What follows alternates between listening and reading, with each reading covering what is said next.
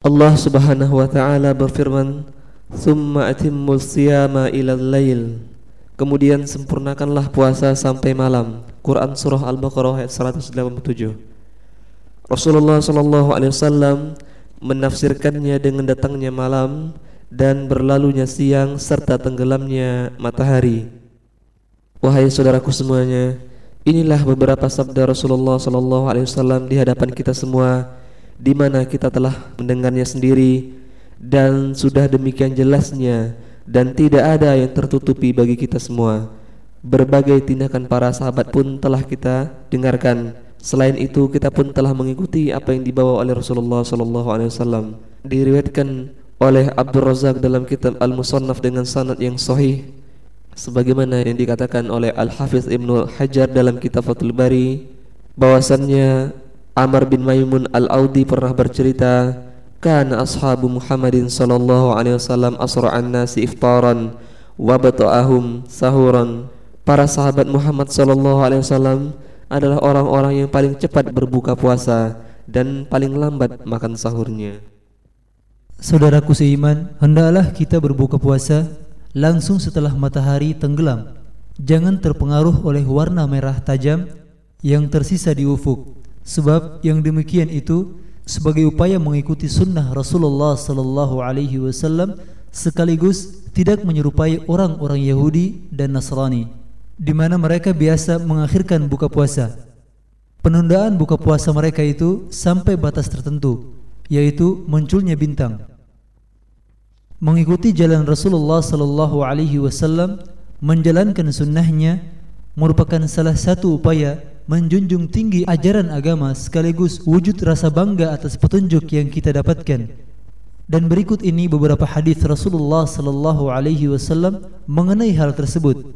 Yang pertama, menyegerakan berbuka puasa akan mendatangkan kebaikan. Dari Sahal bin Sa'ad radhiyallahu anhu bahwa Rasulullah sallallahu alaihi wasallam telah bersabda, "La yazalun nasu bi khairin ma 'ajjalul fitra." Umat manusia ini akan tetap baik selama mereka menyegerakan buka puasa. Diriwayatkan oleh Al-Imam Al-Bukhari dan Muslim. Yang kedua, menyegerakan buka puasa merupakan sunnah Rasulullah sallallahu alaihi wasallam. Jika umat Islam menyegerakan buka puasa, berarti mereka telah berada dalam bingkai sunnah Rasulullah sallallahu alaihi wasallam dan manhaj salafus salih. Dengan izin Allah, mereka tidak akan pernah tersesat selama mereka benar-benar berpegang teguh padanya seraya membuang semua yang akan merubah kaidah-kaidahnya. Dari Sahal bin Sa'ad radhiyallahu anhu bahwa Rasulullah sallallahu alaihi wasallam pernah bersabda, "La yazalu ummati ala sunnati ma lam tantazir bi fitriha an-nujum." Umatku masih tetap berada di atas sunnahku selama mereka tidak menunda-nunda puasa sampai munculnya bintang. Diriwayatkan oleh Ibnu Hibban dengan sanad yang sahih. Yang berikutnya menyegerakan berbuka berarti menyalahi orang-orang yang sesat lagi mendapat murka. Seandainya umat manusia ini masih tetap baik karena mereka masih menempuh manhaj Rasulullah sallallahu alaihi wasallam serta mempersatukan sunnahnya, niscaya Islam akan tetap jaya dan kokoh serta tidak akan disunnahkan oleh orang-orang yang menentangnya. Pada saat itulah umat Islam akan menjadi cahaya yang bisa dijadikan sebagai sarana untuk menerangi tempat yang gelap sekaligus sebagai teladan yang baik yang dijadikan panutan. Sebab ia tidak akan pernah menjadi ekor umat-umat timur maupun barat sekaligus sebagai naungan bagi setiap kelompok yang condong oleh angin ke mana saja angin itu berhembus. Dari Abu Hurairah radhiyallahu anhu bahwa Nabi sallallahu alaihi wasallam bersabda, لا يزال الدين ظاهرا ما عجل الناس الفطرة لأن اليهود والنصارى يؤخرون Agama ini masih tetap jaya selama umat manusia menyegerakan buka puasa karena orang-orang Yahudi dan Nasrani biasa mengakhirkannya. Diriwayatkan oleh Abu Daud dan Ibnu Majah dengan sanad yang hasan. Sekarang tentu timbul pertanyaan, Makanan apakah sebaiknya yang dipergunakan saat berbuka? Rasulullah Shallallahu Alaihi Wasallam telah menganjurkan untuk berbuka puasa dengan kurma. Jika tidak memiliki kurma, maka hendaklah dengan air. Yang demikian itu merupakan bagian dari kesempurnaan kasih sayang dan perhatian beliau kepada umatnya. Di antara kegunaannya, memberi sesuatu yang manis pada tubuh saat perut dalam keadaan kosong lebih diterima dan bermanfaat bagi anggota tubuh. Apalagi badan yang sehat akan menjadi kuat kembali. Sedangkan air pada saat puasa tubuh mengalami kekeringan sehingga apabila dibasahi dengan air maka akan sangat bermanfaat bagi tubuh. Ketahuilah wahai saudaraku semuanya, bahwa kurma memiliki berkah dan keistimewaan. Demikian halnya dengan air dalam memberikan pengaruh terhadap hati dan penyuciannya yang hanya diketahui oleh orang-orang yang mengikuti sunnah. Sebagaimana sebuah riwayat dari Anas bin Malik dia bercerita, Nabi Shallallahu Alaihi Wasallam biasa berbuka dengan beberapa buah rutop yaitu kurma segar sebelum mengerjakan sholat. Jika beliau tidak mendapatkan rutop, maka beliau berbuka dengan kurma yang kering. Dan jika tidak mendapatkan, maka beliau meminum air sebagaimana diriwayatkan oleh Ahmad dan Abu Daud.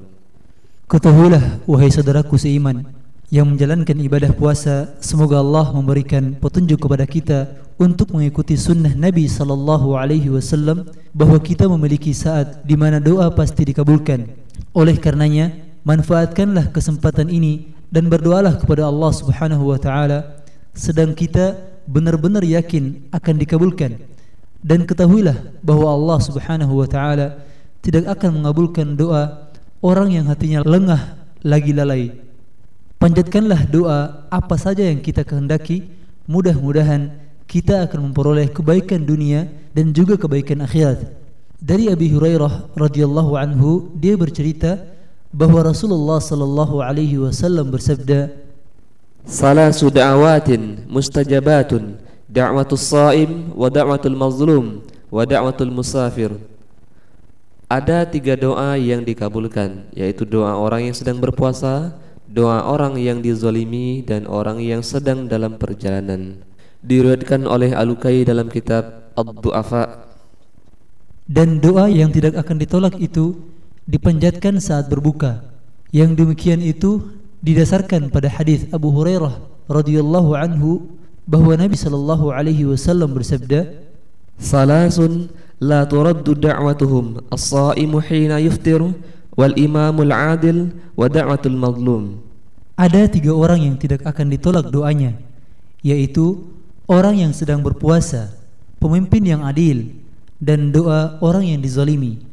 Hadis ini diriwayatkan oleh At-Tirmidzi, Ibnu Majah, dan Ibnu Hibban. Dari Abdullah bin Aus, dia bercerita bahwa Rasulullah sallallahu alaihi wasallam bersabda, "Inna lis-shaimi 'inda fitrihi la da'watan ma turad sesungguhnya orang yang berpuasa itu mempunyai satu kesempatan doa yang tidak akan ditolak diriwayatkan oleh Ibnu Majah Al-Hakim Ibnu Sunni At-Tayalisi dengan sanad yang sahih. Disunahkan ketika berbuka puasa membaca doa sebagaimana yang dibaca Rasulullah sallallahu alaihi wasallam di mana beliau membaca pada saat berbuka dengan doa Zahaba zama'u wa batalatil uruq wa thabatal ajru insyaallah. Telah hilang rasa haus dan basah pada urat-urat serta telah ditetapkan pahala insyaallah sebagaimana diriwayatkan oleh Abu Daud, Baihaqi dan Hakim. Ketahuilah wahai saudaraku semuanya, semoga Allah memberikan berkah kepada kita semuanya untuk mengerjakan kebaikan dan memberi makan kepada orang yang sedang berpuasa karena yang demikian itu mengandung hikmah dan pahala yang besar dan kebaikan yang melimpah sebagaimana sabda Rasulullah sallallahu alaihi wasallam Man fattara sa'iman kana lahu mithlu ajrihi ghaira annahu la yanqusu min ajri as-sa'imi syai'an Barang siapa memberi makan kepada orang yang berpuasa maka baginya pahala seperti diperoleh orang yang berpuasa tersebut tanpa mengurangi pahala orang yang berpuasa itu sedikit pun. Diriwayatkan oleh Ahmad, At-Tirmidzi, Ibnu Majah dan Ibnu Hibban dengan sanad yang sahih. Jika seorang muslim yang berpuasa diundang untuk berbuka puasa, maka hendaklah dia memenuhi undangan tersebut.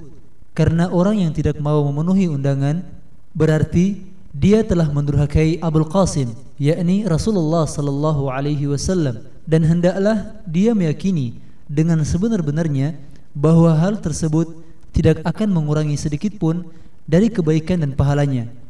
Dan disunahkan pula kepada orang yang diundang untuk mendoakan orang yang mengundang setelah selesai memakan makanan yang disajikan sesuai dengan apa yang diajarkan oleh Nabi sallallahu alaihi wasallam yang terdiri dari beberapa macam. Misalnya Nabi sallallahu alaihi wasallam bersabda, "Akala ta'amakumul abrar wa sallat 'alaikumul malaikatu wa 'indakumus shaimun." Orang-orang yang baik telah memakan makanan kalian Para malaikat telah bersalawat pula untuk kalian dan orang-orang yang berpuasa pun telah berbuka di tempat kalian. Diriwayatkan oleh Ibnu Abi Syaibah, Ahmad An-Nasa'i di dalam kitab Amalul Yawm wal Lailah, Ibnu Sunni dan Abdul Razak melalui beberapa jalan.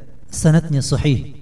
Juga bisa dengan membaca doa, Allahumma at'im man at'amani wasqi man saqani Ya Allah, berikanlah makanan kepada orang yang memberiku makan dan berilah minum kepada orang yang memberiku minum.